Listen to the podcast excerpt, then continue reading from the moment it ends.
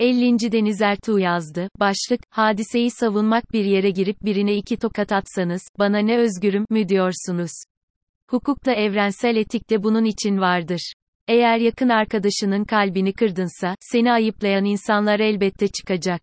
Ya ne bekliyordun? Bir süredir İsrail ile Türkiye arasındaki yakınlaşma, Taksim'de patlayan bomba ve bu hafta Kudüs'teki terör eylemi derken bunlardan birisi üzerine yazmayı düşünmüştüm.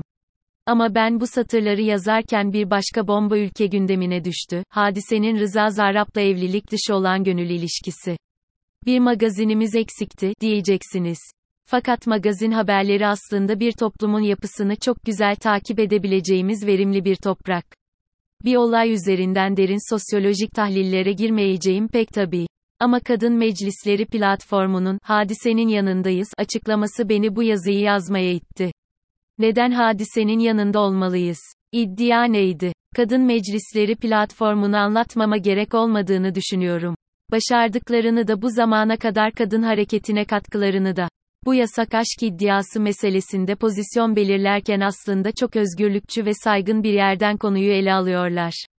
Ancak konunun kendisi böyle değil. Bilmiyorum izleyenleriniz oldu mu ama ben başından sonuna kadar iddiaları ortaya atan söylemezsem olmaz programını izledim. Programın sunucuları Seren Serengil, Bircan Bali ve Arto konuyu epey detaylı şekilde ele aldılar. Ancak asıl önemlisi Zarrab ve Hadise arasındaki özel mesajlaşmaları paylaştılar. Aslında Hadise'nin Zarrab'la olan aşk ilişkisi yeni bir iddia değil. Hatta Sabah gazetesi bu iddiayı manşetten verince bütün Türkiye duymuş, iddialar söylemezsem olmazdı daha önce de konuşulmuştu. İddiaya göre, Zarrab ve Gündeş boşanmadan evvel, Hadise ile Zarrab arasında bir gönül ilişkisi olmuş ve bu ilişki yaklaşık bir sene sürmüş. Bu süreçte Hadise ve Ebru Gündeş O Ses Türkiye'de beraber jüri olarak görev alıyorlardı. Bu iddialar üzerine Acun Ilıcalı Hadise'yi program kadrosundan çıkarmak mecburiyetinde kalmıştı. Hadise vesaire Ebru Gündeş Hadise bence ilk çıktığından beri kötü bir taklit. Hiçbir zaman beğendiğim ve dinlediğim birisi değil. Bir şarkısını söyle deseniz bilemem. Zaten niçin bir şeyin orijinali varken taklidini dinleyelim.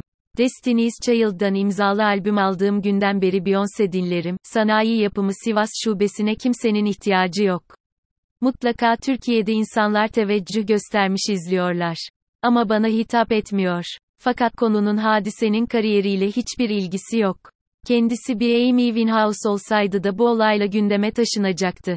Dünyanın her yerinde bu tip haberler patlar. Ebru Gündeş'e gelince çocukluğumdan beri sesine hayran olduğum bir şarkıcıdır. Zarrab'la olan evliliğinin ona yarardan çok zarar getirdiğini düşünenlerdenim. Fakat elbette insanların şahsi hayatlarında aldıkları kararlar onların özgür iradesidir. Bana laf düşmez. Ancak Gündeş'in bu olayda sessiz kalması bence onun yaptığı en doğru iş. Çünkü belli ki dava sürecinde zaten elinin güçlü olduğunu biliyor ve kanal kanal dolaşıp tüm Türkiye'ye bunu yaymasına ihtiyacı da yok. İmaj yönetimi açısından da doğru hareket ediyor bence. Kadın meclislerinin tepkisi Kadın Meclisleri platformu bu olay üzerinden hadisenin hayat tarzı ve giyinişi sebebiyle hedef alındığını ileri sürmüş. Ben bunu fazlasıyla hassas bir tepki olarak görüyorum. Hadisenin Türkiye'ye gelirken hedefi ünlü bir şarkıcı olmak değil miydi? Ün böyle bir şeydir. İnsanların sosyal medyada yazdığı üç mesajla kalbin kırılacaksa evinde otur. Tanınan bir şarkıcıysanız sizden nefret edenler de olacak. Beyoncé bunlara takılmaz mesela. Buna bir örneği Ebru Gündeş'ten vereyim. Hatırlasanız Zarrab'la ilgili davalar gündeme geldiğinde Ebru Gündeş O Ses Türkiye programında çocuğunun bunlardan olumsuz etkilendiğinden bahsetmiş hatta ağlamıştı. O zaman da onu sosyal medyada linçlemişlerdi.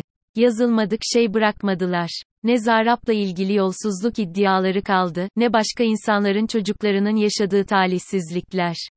Bu böyledir. Hatta şu son yasak aşk iddiası üzerine Gündeş'le ilgili geçmiş dosyalarda açıldı. Hala Gündeş'ten ses yok. Ünlüyseniz konuşulursunuz. Kaldıramayacaksanız bu işe heves etmezsiniz, hobi olarak müzik yaparsınız. Keşke hadise bu fikri bir değerlendirse, neden olmasın? Gelelim işin ciddi kısmına. Bence hadisenin şu anda yediği lincin Türkiye'nin muhafazakarlaşması ile bir ilgisi yok. Lütfen her şeyi birbirine karıştırmayalım. Nokta. Burada hadise kendi yakın arkadaşı Ebru Gündeş'in eşiyle birlikte olduğu için toplumdan olumlu veya olumsuz tepki görüyor, diyeceksiniz ki Zarrab'ın hiç mi suçu yok?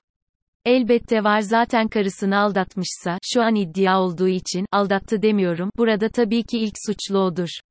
Burada ben kadın meclislerinin tepkisine odaklandığım için olayı hadise üzerinden ele alıyorum. Yakın bir kız arkadaşınızın eşiyle sevgili olmak nedir? Özgürlük müdür? Bu mantıkla, ne güzel özgürüm, deyip aklımıza gelen her şeyi yapabiliriz. Madem ki özgürüz kimi üzdüğümüz, kime zarar verdiğimiz umurumuzda olmayacak. Peki Ebru Gündeş de kadın değil mi? Onun uğradığı da psikolojik şiddet değil mi? Burada ahlakçılıktan, hadiseye parmak sallamaktan bahsetmiyorum. Hadise yaptığı şeyi hata olarak da görmeyebilir.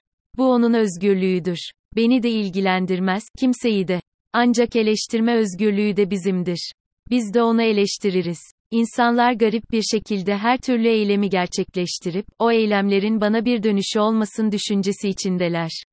İnsanın hayatta her yaptığının ona bir bedeli vardır, olumlu olur, olumsuz olur. Bir yere girip birine iki tokat atsanız, bana ne özgürüm, mü diyorsunuz? Hukukta evrensel etikte bunun için vardır. Eğer yakın arkadaşının kalbini kırdınsa, seni ayıplayan insanlar elbette çıkacak. Ya ne bekliyordun? Ayakta mı alkışlanacaktın? Şu olay üzerine hadisenin yapacağı en doğru şey açıkça Ebru Gündeş'ten özür dilemektir. Çünkü yaptığı Belçika'da da Japonya'da da etik dışıdır. Arkadaşını hiç saymak, onun kalbini kırmaktır. Bir insan arkadaşım dediği birinin kalbini kırdığında hiç mi pişman olmaz? Anlamakta çok zorlanıyorum. Kadın meclislerindeki arkadaşların da bu konuda benim gibi hissettiğinden eminim. Sadece hadisenin hayat tarzının masaya yatırılmasına karşı çıktıklarını da anlayabiliyorum. Çünkü ülkede sapla samanı karıştıran çok insan var, bunu bir Gülşen hadisesiyle kıyaslamak tamamen yanlış. Gülşen'in arkadaşı ile şakalaşması onu ilgilendirir. Hadisenin Gündeş'in kalbini kırması da onları ilgilendirir ama her ikisinin de sosyal medyada da toplumsal hayatta da yansıması olur, oldu da. Bunu alıp, vay hadise sahnede açık giyiniyor ondan linçliyorlar, demek açık ve net bir manipülasyondur. Ben hadisenin ne yaptığı ve nasıl yaşadığıyla hiç mi hiç ilgilenmiyorum. Fakat hatalıysa bir insan hatalıdır ve hatalı birinin yanında durmanın hiçbir anlamı yok. Son bir söz olarak da şunu gerçekten bir kadın olarak merak ediyorum. Bunca kariyeri olan, kendi başlarına bu kadar başarılı olan kadınların Zarrab gibi bir hayırsever iş adamı için kapışmalarının gerekçesi nedir? Kendi bileğinin hakkı ile inşa ettiğin bir kariyerin varken bu hallere düşmenin alemi var mıydı? Belki hikayenin kadın kahramanları oturup bunu düşünürler. Ama gerçekten feministseniz çocuklarınıza bunları örnek göstermeyin.